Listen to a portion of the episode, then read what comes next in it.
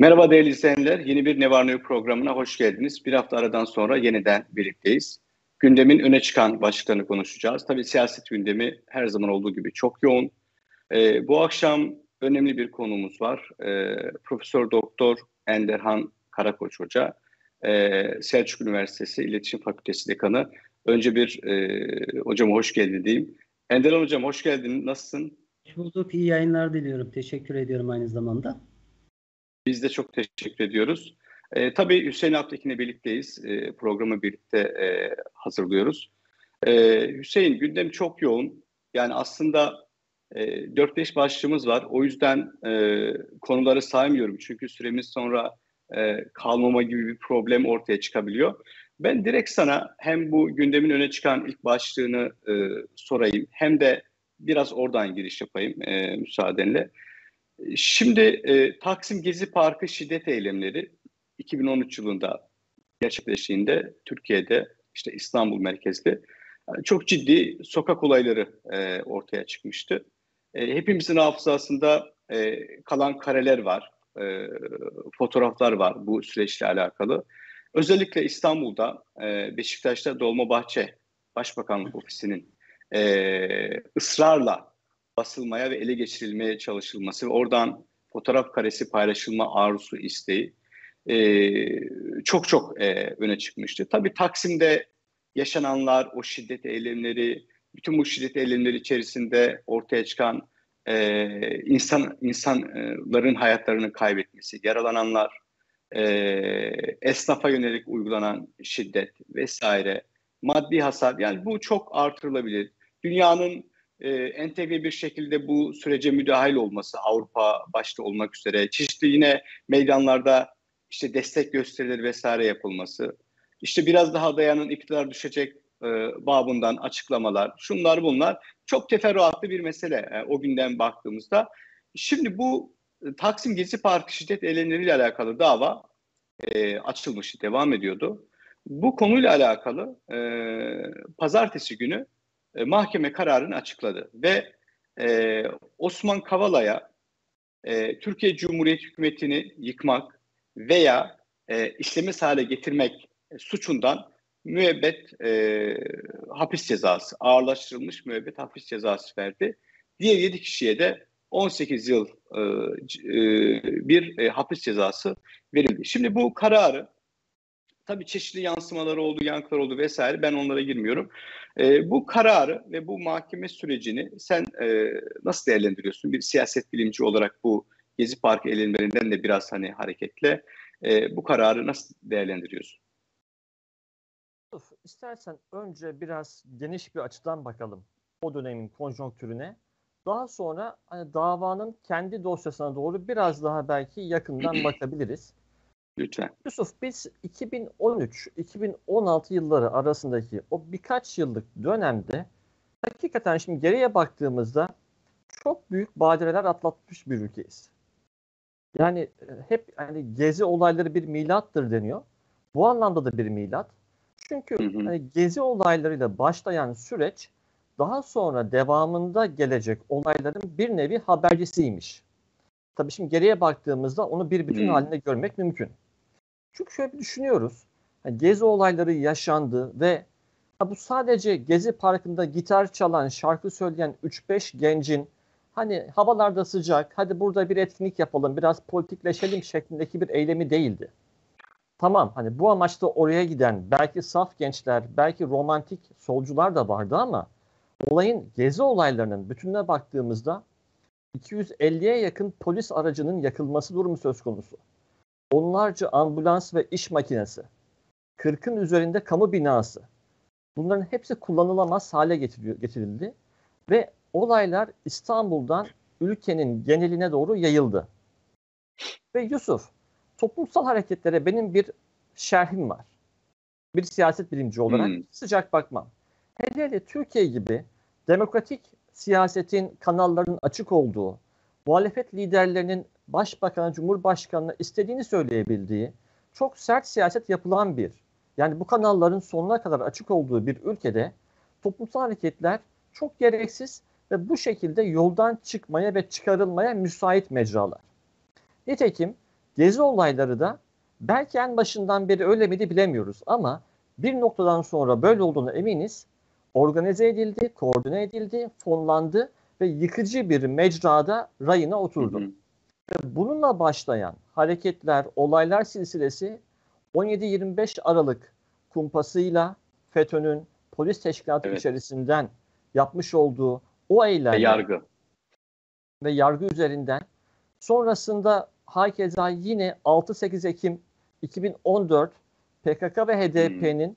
Türkiye içerisindeki kıyımıyla, ayaklanma ve kıyımıyla yine çok sayıda gencimizi maalesef linç ederek katlettiler.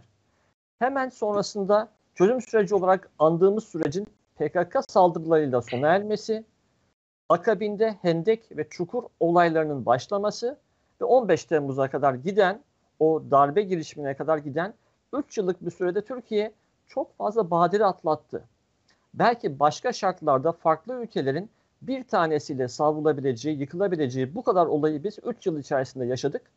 Ve en son artık o onların niyetiyle öldürücü darbe olarak vurmaya çalıştıkları 15 Temmuz'dan sonra da Türkiye artık kendisi tamamen içinde kılcal damarlarına kadar sızmış olan unsurlardan arındırıldı ve 2016'dan bugüne kadar da aslında asayiş bakımından bu tarz olaylar yaşamadık. Yani 3 yıllık evet. o darbeler, eylemler, ayaklanmalar, terör silsilesi 2016-17'den itibaren yerini tamamen asayişe bırakmış oldu. Bu biraz daha geniş bakış. Yani şunu bize söylüyor. Gezi bu diğer eylemlerle bir bütünlük içerisinde benzer hmm. bir zaman aralığında ve benzer odaklar tarafından fonlanarak Türkiye'nin karşısına çıkartılmış bir ayaklanmaydı. İçerisinde belki masumane duygularla buna katılmış gençler de vardı. Ama evet. olayın kendi aksına baktığımızda çok kısa bir sürede şiddet olayları barındırdı ve kontrolden çıktı. Kontrol altına tekrar alınana kadar. Bu biraz daha işin geniş bir bakış açısından özeti. Ve şunu söyledik. Dedik ki hiçbir toplumsal hareket kendiliğinden bu kadar büyümez, bu kadar genişlemez. Ve buradan belki kısaca dosyanın içeriğine girersek Yusuf, şunu görüyoruz. Meğer gezi olayları başladıktan kısa bir süre sonra tırmandırılması, süreklilik kazanması, Anadolu'ya yayılması ve direncinin arttırılması için belli bir odak tarafından ciddi bir efor sarf edilmiş. İddianameye ben baktım. Uzun da bir iddianame. İddianamedeki deliller neredeyse tamamen bazı tanık ifadeleri var ama çoğunlukla telefon dinlemeleri üzerinden gelmekte hmm. ve o dinlemelerde ortaya çıkan bir hap var. Bir odak noktası var. Hmm. Odak noktası da Osman Kavala olarak gözükmekte. Osman Kavala'nın dava dosyasında yer alan pek çok isimle 2-3 günlük süre içerisinde yüze varan görüşmesi var. Kimisiyle onlarca, kimisiyle yüzün üzerinde görüşmesi var. Ve bu görüşmelerde hep şu soruluyor Osman Kabala'ya. Ya işte Açık Toplum Vakfı'ndan bir miktar para gelecek. Bunu nereye aktaralım? Kimler adına hesaplar açalım? Hangi hmm. hesaplara ne kadar para aktaralım?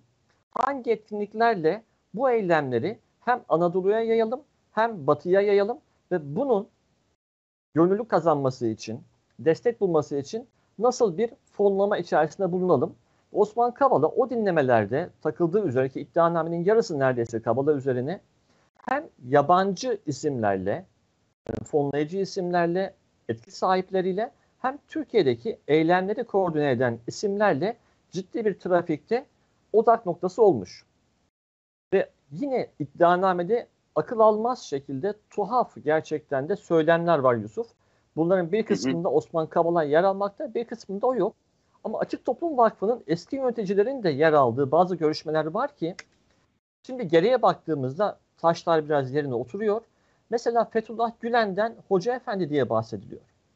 Hoca Efendi'nin gönderdiği akademisyenlerle yemek ayarladık, yemek yiyeceğiz deniyor. Bunu söyleyenler Açık Toplum Vakfı yöneticileri. Biz ne zannederiz? Bunlar daha muhafazakar hmm. cenah, uzak isimlerdir, daha liberal, daha seküler isimlerdir. Ama ciddi bir Hoca Efendi referansı var. Bu görüşmelerin içerisinde. Dahası Zaman Gazetesi'yle pek çok irtibat var, destek istenmekte. O cenahtan zaten destek veriyoruz sözleri gelmekte.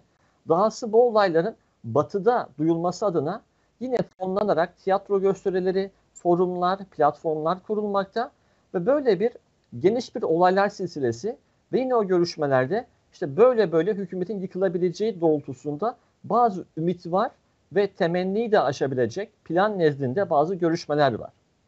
Şimdi bunları bir araya koyduğumuzda gerek Kavala'nın bu trafiğin ortasında yer alması, gerekse de A.H. Atalay olarak hani bahsedeceğim bu eski Açık Toplum Vakfı e, yönetim kurulu hmm. başkanının buradaki dahili hakikaten de bize bu olayın Gezi Parkı'nda çadırda sabahlayan gençlerden ibadet olmadığını, onların da iyi niyetlerinin daha büyük bir plan için suistimal hmm. edildiğini göstermekte.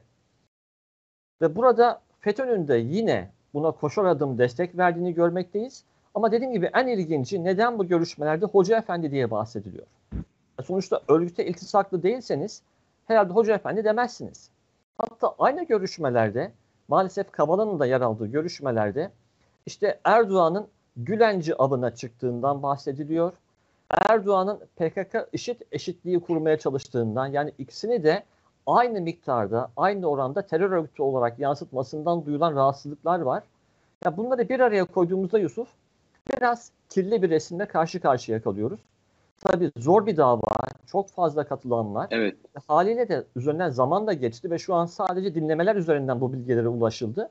Ama para trafiğinde tespit edilmesiyle şunu görüyoruz. Birileri gezi olayları büyüsün, yayılsın, batıda da ses getirilsin, sosyal medyada da ses getirilsin diye ekipler kurmuş ve bu ekiplere fonlar dağıtmış ve bu fonlarda Osman Kavala üzerinden e, kaynaklarla hedefler arasındaki buluşmayı gerçekleştirmiş. Peki Hüseyin. Şimdi, e... Gerçekten üzücü olaylardı bunlar. Aha. Hem olaylara katılan 8 gencimizi kaybettik hem olaylar neticesinde asayişi kaybettik ve belki de Yusuf eğer kontrol altına alama, alınamasaydı Türkiye bir iç savaşa doğru götürülmek istendi. Gezi ile başlayan o süreçte. Ve o 3 yıllık sürede biz çok ciddi bedeller ödedik. Dolayısıyla bu olaylar kendi başına başlamadı ve yayılmadı. Bunu birileri başlatmak istedi, yaymak istedi ve o mecrasından çıkardı. O birileri kim sorusuyla başladı bu soruşturma ve dava. Bugün sonuçta geldiğimiz e, noktada e, temel sorunlardan kurumsal olarak birinin Açık Toplum Vakfı olduğunu görmekteyiz. Kişi olarak da e, Osman Kavala tüm o görüşme trafiğinin ve koordinasyon trafiğinin merkezindeki isim olarak öne çıktı dava dosyasında. Hüseyin e, çok teşekkürler. Gerçekten güzel bir çerçeve çizdin. E, bayağı detaylandırdın meseleyi de bir e, ana resmin içerisinde bir olgu olarak bize tanımladın. Hakikaten iyi oldu. Tam burada senin bıraktığın yerde ben Enderhan Hoca'ya dönmek istiyorum. Bu geniş çerçeve içerisinde bakıldığında Enderhan Hocam bir taraftan da bu dava sonucunda Batı medyasından ve Avrupalı işte büyükelçilerden, konsoloslardan veya batılı siyasetçilerden çok yoğun bir Türkiye'ye yönelik bir eleştiri e, açıklamaları da geldi. Yani acilen Osman Kavala serbest bırakılsın ya da bu kararla ilgili çok e, eleştirel açıklamalar vesaire yapıldı. Bu bir tarafı. Yani bu belki Hüseyin'in çizdiği fotoğraf içerisinde bakıldığında bir yere denk geliyor. Bir de mahkemeni takip eden isimler arasında da çok fazla sayıda konsolos ve batılı büyükelçi e, olduğunu biliyoruz. Bu işin bir tarafı. Bir de diğer tarafından baktığımızda hocam e, karar sonrasında e, Türkiye İşçi Partisi milletvekili Ahmet Şık, e, Cumhuriyet Halk Partisi milletvekili Özgür Özel ve benzeri isimler e, mahkeme kararına yönelik çok ağır e, eleştirilerde bulundular. Özgür Özel bunu da aşarak e, Cumhurbaşkanı Erdoğan'a e, yönelik e, yargılanacaksın. Bu daha önce FETÖ'cülerin çok sık kullandığı bir e, ifadedir ve and olsun and olsun diye de böyle yeminler ederek e, açıklamalarda bulundu. Ahmet Şık'ın açıklamalarında e, Türkiye Cumhuriyeti'nin bir çete olduğu, bir mafya olduğu, bir devlet olmadığı, bu yargının yargının da bu yargıçların da dolayısıyla hani bir yargı olarak kabul edilemeyeceği, bu çetenin, bu mafyanın bir devamı e, sözcüsü gibi kabul edilebileceğine dönük sert e, açıklamalarda bulundu. Bu açıklamaları e, nasıl değerlendiriyorsunuz? E, siyaseten hani meseleye baktığımızda nasıl bakmak lazım bu açıklamalara? Ne dersiniz hocam? Şimdi şöyle e, Yusuf Hocam, Hüseyin Hocam'a teşekkür ediyorum. Konuyu güzel bir şekilde özetledi. Yani olaya e, yakın bir tarih değil de uzun bir tarihten baktığımızda aslında e, Türk tarihinin e, bu tür operasyonların sürekli olduğunu görmekteyiz. Yani devletleri yıkmaya kadar giden, yani Osmanlı tarihinin tutun son döneminde Abdülhamit Han'dan Cumhuriyet dönemiyle birlikte başlayan tek parti iktidar sonrasında Adnan Menderes'e trajik bir şekildeki hazin bir durumu, sonrasında evet. darbe olayları, sonrasında 12 Eylül, ve o dönemlerde hatırlarsanız aynı e, oyunlar yine oynanıyor. Yani Türkiye'de sağ, sol, inanan, inanmayan, Alevi, Sünni, Kürt, Türk e, gibi farklı şekilde e, birçok e, oyunlar oynandı ve bu oyunun bir parçası. Dolayısıyla daha sonraki dönemlerde e, ne oldu? Postmodern darbeleri, 28 Şubat darbelerini, 15 Temmuz darbesini yaşadık. Yani hepsini bir, bir birlikte bakmak, birlikte okumak gerekiyor. Yani bugünün bir e, şart şey değil bu e, e, anlayışı veya bugünün e, iktidarına yönelik bir durum da değil. Amaç tarihin her döneminde Türk tarihinde Türk milletinin ilerlemesi, e, gelişmesi, belli bir noktaya gelmesini engellemek. Bu e, özellikle AK Parti döneminde e, 2000 işte 2'den sonraki dönemde Türkiye'nin hem savunma sanayinde hem e, diğer alanlarda birçok e, e, kurumlarında başarıyı göstermesi birçok ülkeyi rahatsız ediyor. Sadece Türkiye özelinde de bakmamak lazım. Yani sadece hı hı. bunu Türkiye üzerinden okursak yine yanılırız. Bunu İslam coğrafyası üzerinden, bunu Türk coğrafyası üzerinden de okumak lazım. Yani Azerbaycan üzerinden, Nahçıvan üzerinden, Suriye üzerinden, Irak üzerinden ve diğer ülkeler üzerinden bu sürece dahil olmasak sadece Türkiye'nin sınırları içerisinde bir anlayışmış gibi Türkiye'nin içerisindeki e, sadece iktidara yapılıyor gibi algılarız. Ama bu hiçbir şekilde değişmeyecek. Yani 20 yıl sonra da 50 yıl sonra da aynı şekilde Türkiye'ye karşı bu tür operasyonun yıkıcı faaliyetlerin devam edeceğine hiç şüphem yok. Dolayısıyla biz ne yapabiliriz? Şu anda yapılmanın nedeni ne? Yani o gün vardı, bugün var. Niye yapma gereği duyuyorlar? Çünkü e, 2023'te genel bir seçim var. Yani bu seçimde e, iktidarı ele geçirmek. Amaç e, ülkeyi yönetmek. Yoksa başka bir dertleri de yok. Bütün bunların sebebi bir araya gelme nedeni. Şöyle düşünelim. E, bunları bir araya kim getiriyor? Kompartıma trenin lokomotifini kim sürüyor? Yani bu insanlar kimin adına konuşuyor? Kimin evet. adına rasist kesiyor? Kimin adına bu tür e, faaliyetlerin içerisine girebiliyorlar? Yani çok zor bunu yapabilmek. Çünkü bunu yapabilmek için yani bu denli kitle iletişim araçlarına e, ve dünyada artık e, algıların oluşturulduğu, insanların bilinç dünyasının etkilendiği, Z kuşağından bahsettiğimiz 5 e, milyon üzerinde 6 milyona yakın insanın %16 e, civarında oy ediyor, tekabül ediyor. Bu gençlerin üzerinde oyun oynanıyor. Aslında biz bunu bugünkü şartlarda zannediyoruz iktidar üzerinde. Hayır bu bir yıl sonrası için çaba.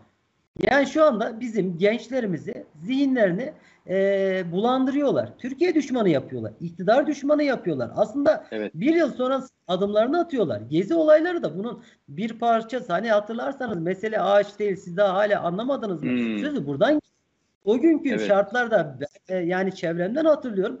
Birçok insanın e, gerçekten e, olayın e, gerçek boyutunu algılamadan siyasi bir e, olay olduğunun farkına varmadan bu olayların içerisinde yakınlarımızdaki insanları da gördük.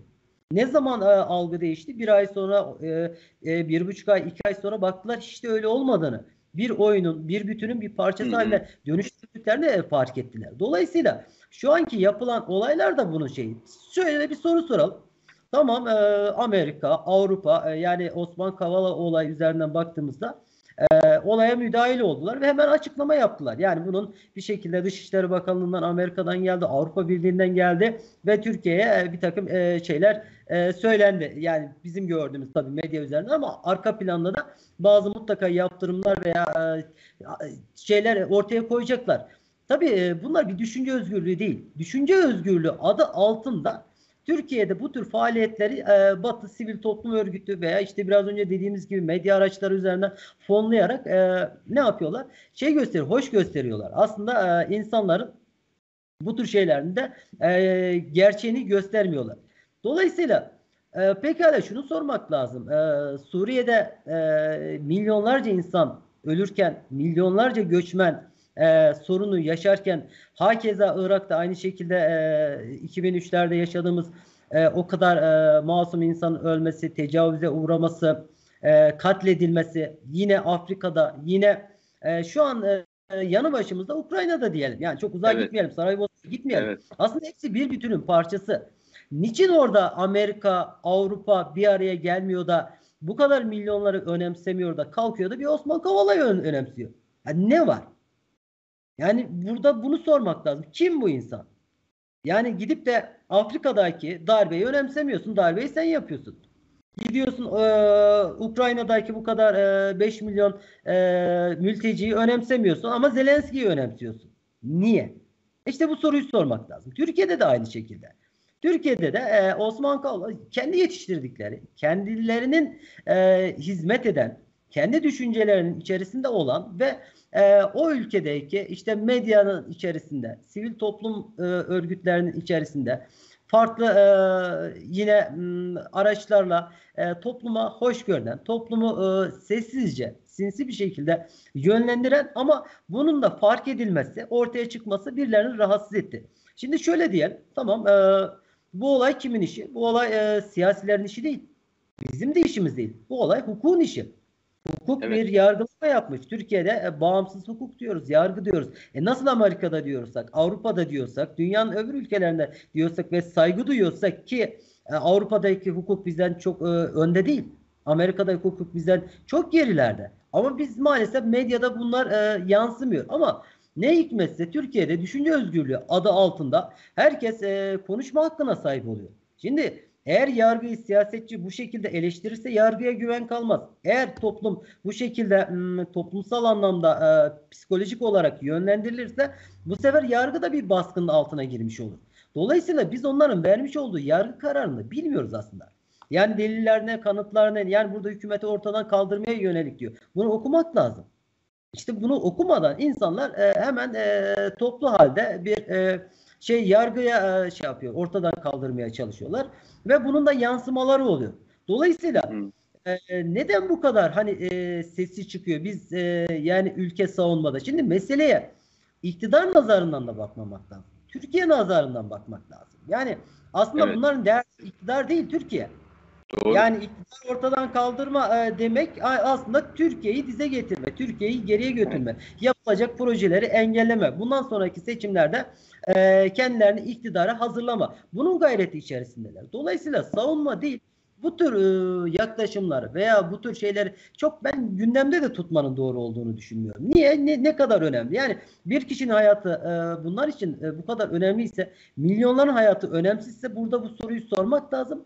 Bununla ilgili e, gençliği de e, yani Z kuşağını da açıklamak lazım. Bütün sorun belki de burada kaynaklanıyor. E, o yüzden organize bir hareket olduğunu yani e, sadece CHP'nin değil HDP'nin görünmez arka plandaki yönlendirici aktörlere bakmak lazım. Onlar da kim? Hı hı. Avrupa, kim?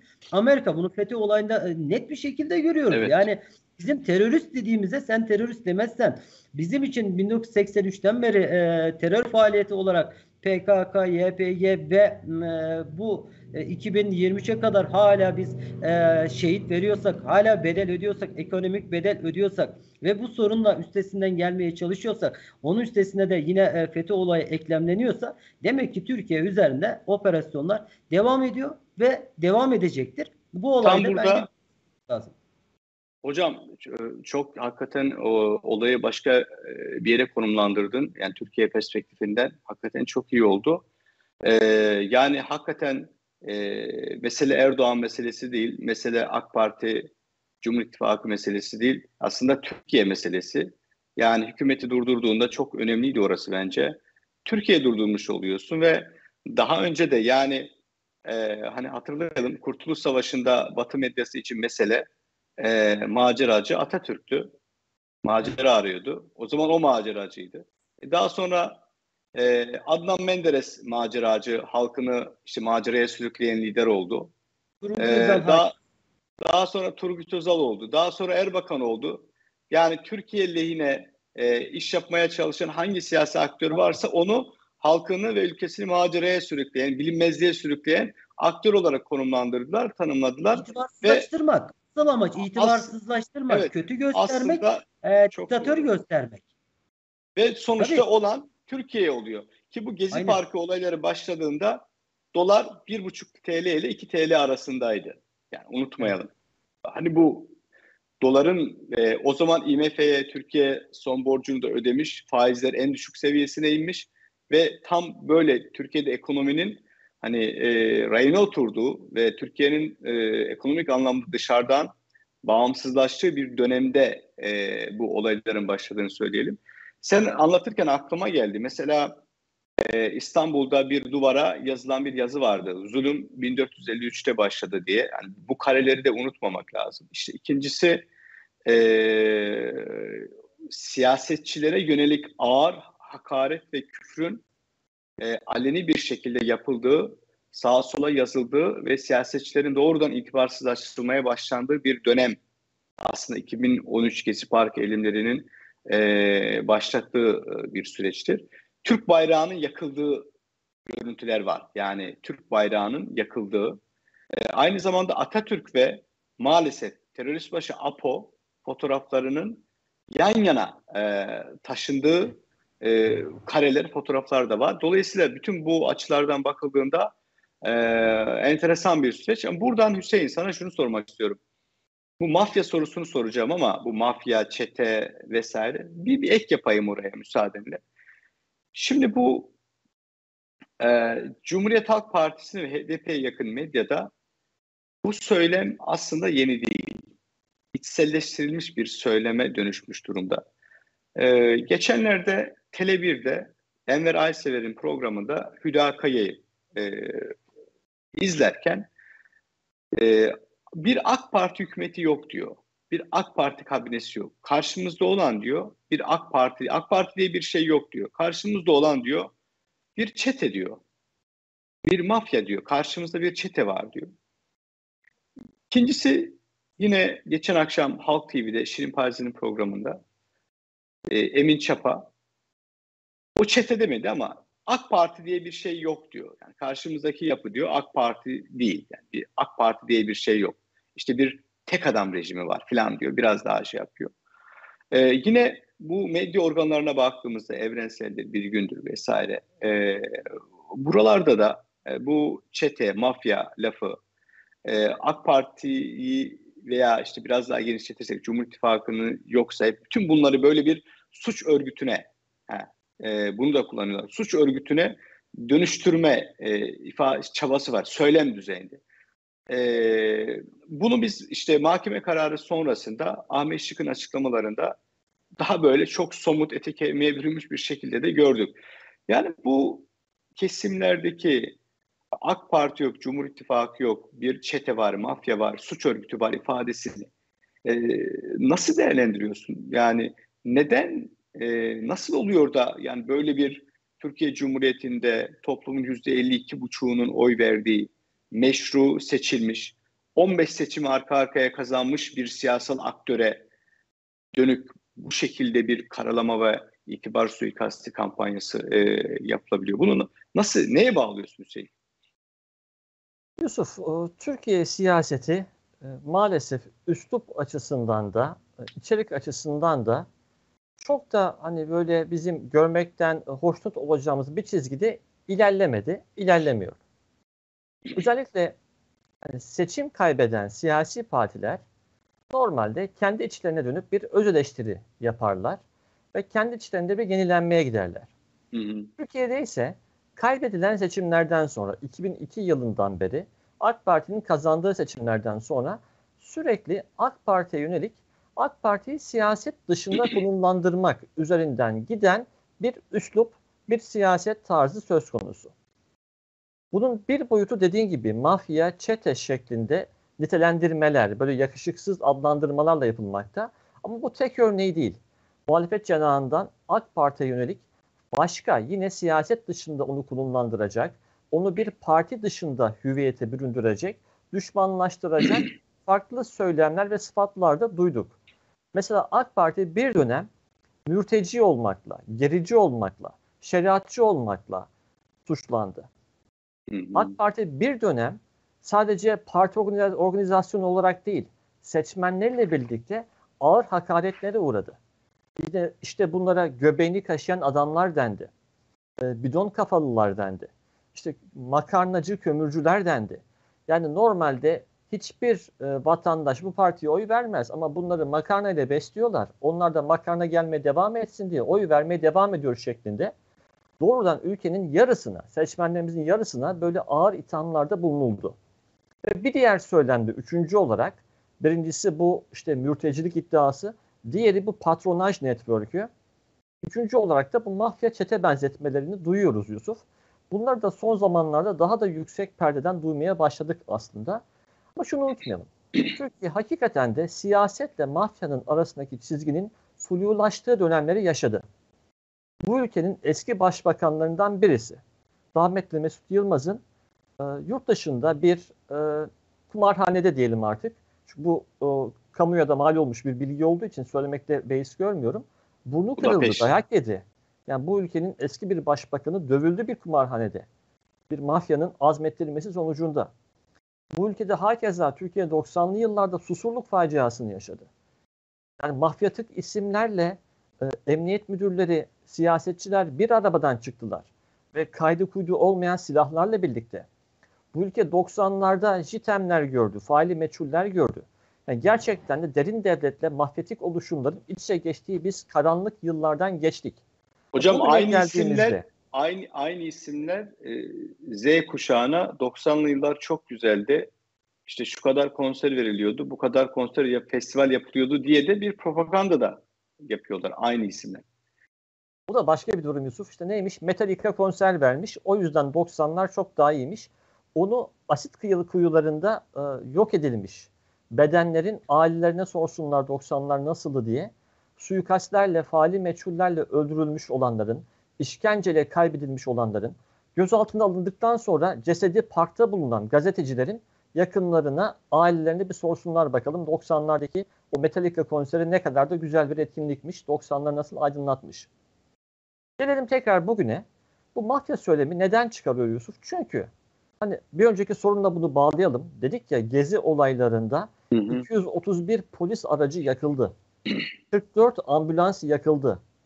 Ve yüzlerce sivil yani gerçek kişilere ait iş yerleri ve araçlar e, kundaklandı. İş makineleri yakıldı. Ya bunlar bizim milli servetimiz. Devlete ait olanlar da böyle, gerçek kişilere ait olanlar da böyle. Eğer siz gençleri belki hani 90'ları hatırlamayan, belki yani o gün okuldan çıkmış, işte eğlence arayan, hadi biraz adrenalini yükseltelim diyen gençleri bu şekilde araba yakmaya, etrafı kundaklamaya sevk etmek istiyorsanız o zaman onların karşısında bir devlet olmadığını, gerçek bir düşmanla karşı karşıya olduklarına inanmalarını sağlamanız lazım. İşte bu söylem de gerek Hendek olaylarında, gerek 6-8 Ekim olaylarında, gerekse de Gezi olaylarında hep karşımıza çıkan, köpürtülen bir söylem. Devlet sizin düşmanınız. Devletle mücadele edin. Devletle mücadeleyi de seçimden seçime oy kullanarak yapmayın. Çünkü kazanamıyoruz seçimleri. 20 yıldır zaten iktidarlar. Yani oy vermeniz bir işe yaramıyor. Nasıl yapacaksınız? O zaman sokaklara çıkın. Ben tekrar tekrar altını çizmek istiyorum. Çünkü biz online yayın yapıyoruz. Ve bizim izleyicilerimiz arasında üniversite öğrencileri, gençler büyük bir ağırlıkta. Tekrar altını çizmek isterim. Bir akademisyen olarak da bunu sorumluluk hissediyorum kendi üzerimde. Kesin ve kesinlikle gençler sokak siyasetine bulaşmamalı. Ya, Türkiye'de siyaset yapan kurumsal kanallar var. Hem siyasi partiler var hem de siyaseti dolaylı olarak etkileyen dernekler, sivil toplum kuruluşları var. Ama siz eğer bir meydanda bağıra çağıra hükümet devirebileceğinizi düşünüyorsanız aslında farkında olmadan birilerinin kirli ve gizli bir ajandasına alet oluyorsunuz demektir. Eğer bulunduğunuz yerde Molotov kokteylleri geliyorsa, polis araçları ters çevrilmiş, yakılmışsa oradan kaçın, uzaklaşın. Çünkü Türkiye bu tarz olaylarla maalesef ve maalesef bir iç savaşa sürüklenmek istendi. 3 yıl boyunca az evvel saydığım tüm olaylar silsilesi evet. Türkiye'yi karanlık bir bataklığa gömmek üzere dışarıdan fonlandı ve koordine edildi. Ve bu fonlanma da sadece bir iddia değil, dinleme kayıtlarıyla sabit olunmuş ve iddianameye girmiş ve dava sonucuna doğrudan etki etmiş bir durum. Yani dışarıdaki odakların, Açık Toplum Vakfı gibi kuruluşların Türkiye'ye aktardığı paralarla gençler bir araya getirildi ve bu gençlere bizim polis araçlarımız, ambulanslarımız, iş makinelerimiz yaktırıldı. Bundan ibaret bu durum ve bu senaryoya alet olmamak lazım diye düşünüyorum Yusuf. Ee, teşekkürler Hüseyin. Ee, Enderan Hocam, yani 90'lar güzellemesinde sen de bir tebessüm ettin yani 90'lardaki konserler, festivaller ne kadar güzeldi. 90'lar çok iyiydi filan hikayelerine. E, or, o, orasıyla alakalı birkaç şey söylemek istersen alabilirim ama şu Şöyle, soruyu da e, sorayım. Buyurun, buyurun lütfen. E, oradan bağlarsın hocam e, müsaadenle. Şimdi aslında bu fotoğrafa baktığımızda yani mahkeme kararını eleştiren e, yani eleştirmenin dışında eleştiri başka e, tehdit var yani Cumhurbaşkanı'nı tehdit edecek şekilde e, Türkiye Cumhuriyeti'ni doğrudan e, tehdit edecek şekilde bir dil kullanmak başka yoksa eleştiri demokratik ülkelerde e, olması gereken bir süreç e, zaten. E, baktığımızda aynı çevrelerle ilgili şöyle bir durum da karşımıza çıkıyor. Malum 24 Nisan e, yeni e, arkada bıraktık ve 24 Nisan işte her sene Batı medyasında, Batı'da e, Türkiye'de Osmanlı Devleti tarafından 1915'te sözde bir Ermeni soykırımı yapıldığı iddiasıyla bir gün olarak e, anılan e, bir gün ve bunu bir mit haline dönüştürmüş durumdalar. durumdalar. Her 24 Nisan'da Amerikan Başkanı sahip ülkelerden vesaire açıklamalar yapılıyor. Fakat bu, bu sene ilginç bir şey oldu. HDP milletvekili Garopaylan Türkiye Büyük Millet Meclisi'ne 24 Nisan'ın Türkiye'de de e, soykırım günü e, sözde soykırım günü kabul edilmesi bağlamında bir kanun teklifi e, de sundu. Bu tabi TBMM tarafından e, reddedildi. Aynı şekilde Cumhuriyet Halk Partisi milletvekili Sezgin Tanrıkulu yine e, Türkiye'yi suçlayan, töhmet altında bırakan, iftira atan bu konularla alakalı bir e, paylaşımda bulundu. Vesaire yine bu benzer çevrelerden benzer açıklamalarda e, gördük.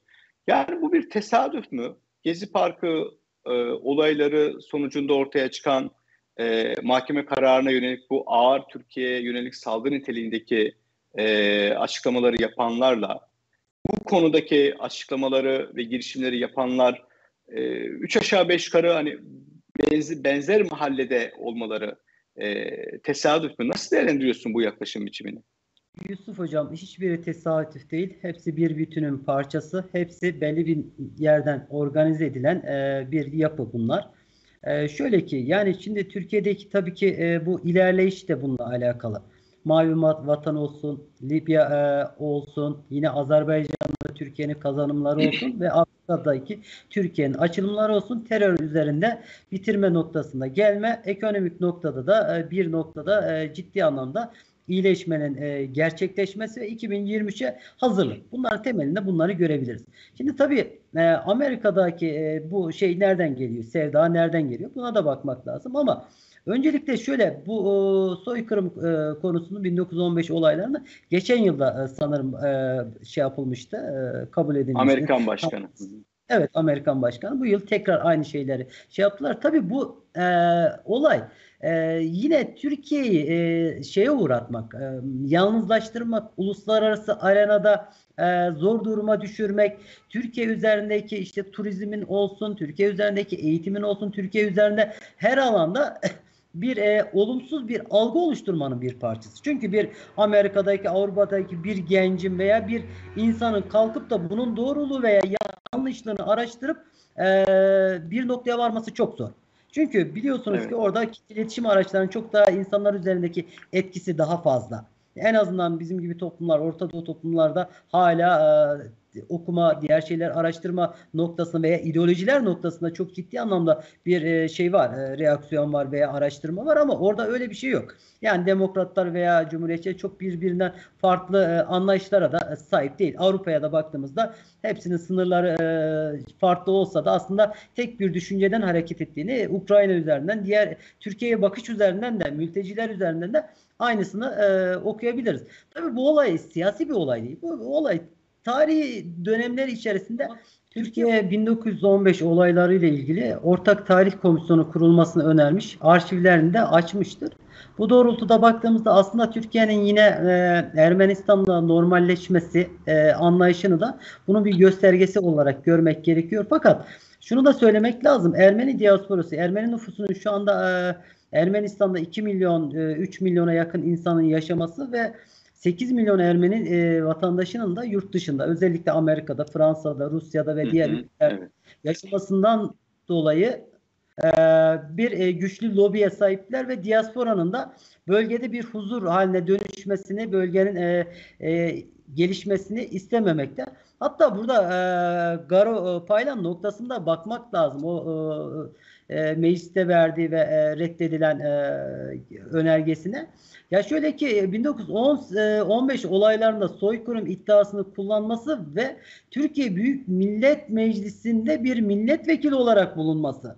Yani bizi, e, çok tezat, e, çok yani sıkıntılı bir durum. Hangi ülkede yani Ermenistan'da bir Türk vatandaşının e, milletvekili olması ve e, orada bir önerge vermesi bu kabul edilebilir bir davranış da değil. Yani bunların aslında e, karşılıksız kalmaması da gerekiyor. Yani Osman Kavala olayında olduğu gibi Gara e, Paul'un olayında da aynı şekilde ve diğer şeylerde de e, yasanın, hukukun ne gerekiyorsa yapılması gerektiği üzerinde e, gidilmesi gerektiğini düşünüyorum. Yoksa biraz önce dediğiniz gibi çete, mafya işte iktidara söylenmesi, meşru bir iktidarı böyle e, karalanması ve itibarının e, e, şey yapılması, zedelenmesi doğru bir anlayış değil. Bunun da hukuk e, nazarında bir karşılığı olması gerekir diye düşünüyorum.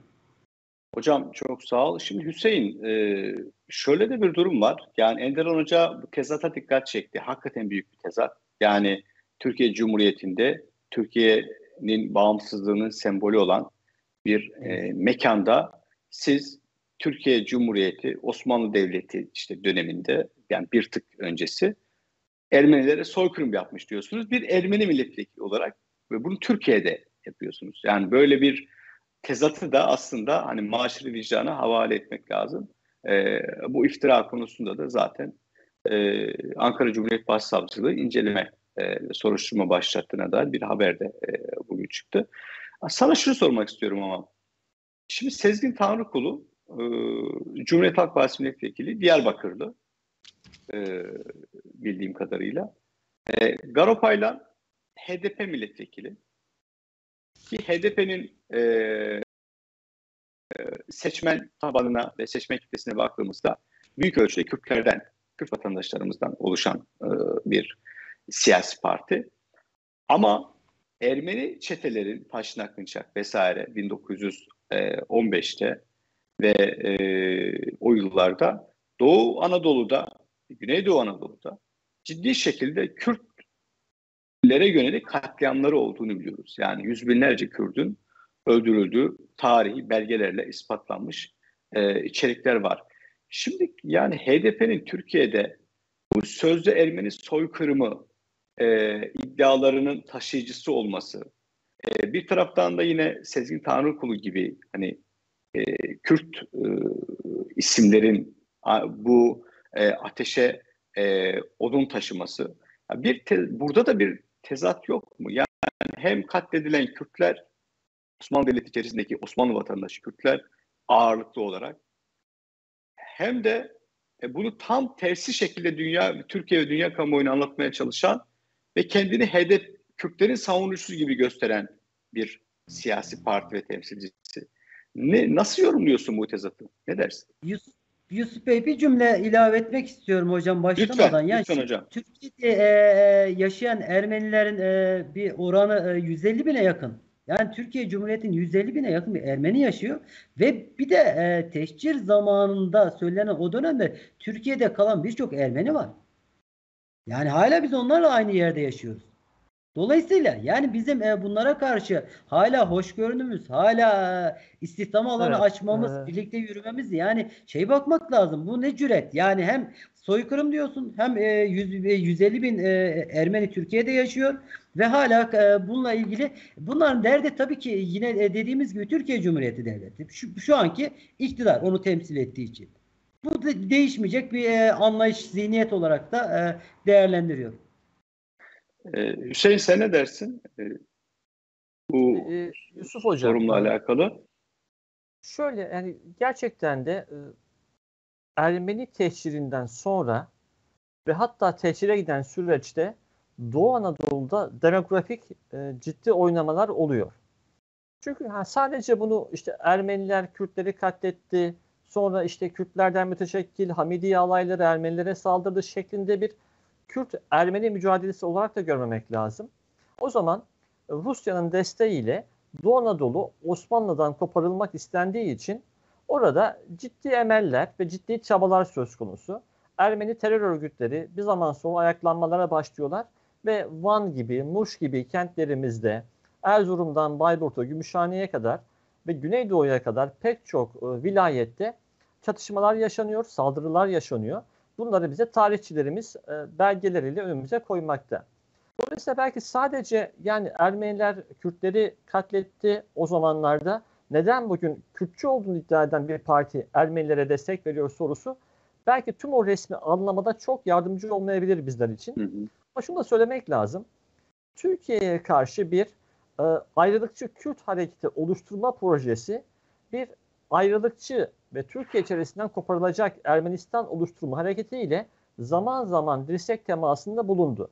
Bunu daha 20'lere kadar geri götürebiliriz. O zamanlar o Lübnan'da Hoybun Cemiyeti'nin kongresinde hem ayrılıkçı bir Kürt hareketi oluşturulması hem de Taşnak, Hınçak benzeri oluşumların oradaki temsilcilerin bir araya gelmesi ve Türkiye'yi parçalamak adına projeler geliştirmesi tarihi bir vaka.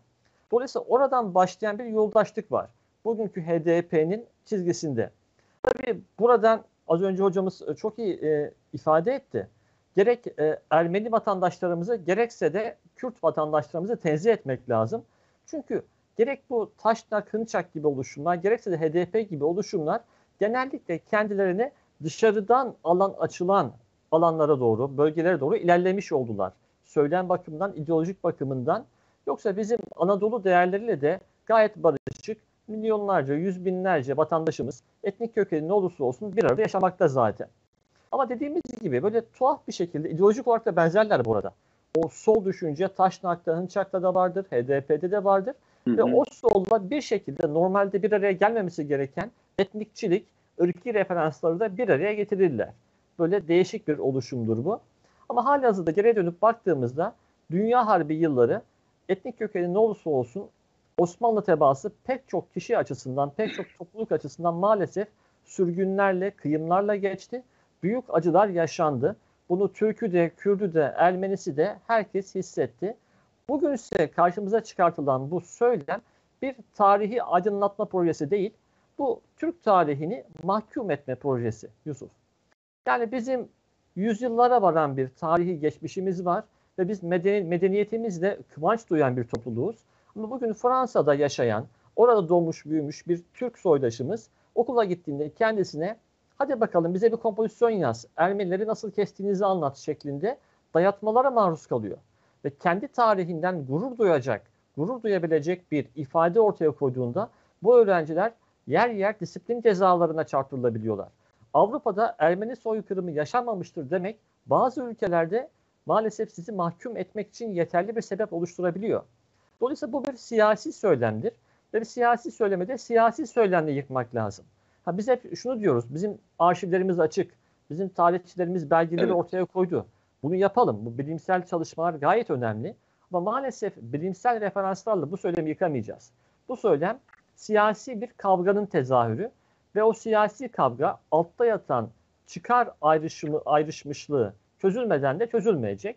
O çıkar ayrışmaları da bugünden yarına çözülecek gibi değil. Bunlar uzun süredir devam eden çözülmeler ve Türkiye Ermeni soykırımı yapmıştır ifadesiyle mahkum edilmek isteniyor ve maalesef pek çok Batı ülkesinde mahkum edildi de oradaki soydaşlarımız da bu iddiayla boyunları bükülmek isteniyor, gururları kırılmak isteniyor Yusuf. E, maalesef böyle de bir realite var. Yani Batı merkezli bu Türkiye karşıtı e, söylem kendisini farklı açılardan besleyerek o da yoluna devam etme çabası içerisinde e, bunun altını doğru bir şekilde çizdi Hüseyin. Şimdi bizim bir, bir konumuz daha vardı ama ona süremiz kalmadı. Yani bu altılı masa meselesini biraz daha e, Enderan Hocam'ı bulmuşken siyasal iletişim açısından konuşmak istiyorduk ama şu an bu akşam için bize ayrılan sürenin sonuna geldik. E, ama Enderan Hocam bunu saymıyoruz. Yani önümüzdeki süreçte e, seni yeniden Ne Var Ne Yok programında ağırlamak isteriz. E, çok teşekkür ediyoruz e, size, bize verdiğiniz katkıdan ve yanımıza katıldığınızdan dolayı. E, değerli izleyenler, e, bir Ne Var Ne Yok programının daha sonuna geldik. Önümüzdeki haftalarda siyasetin gündemini yeniden konuşmaya devam edeceğiz. İyi akşamlar, hoşçakalın.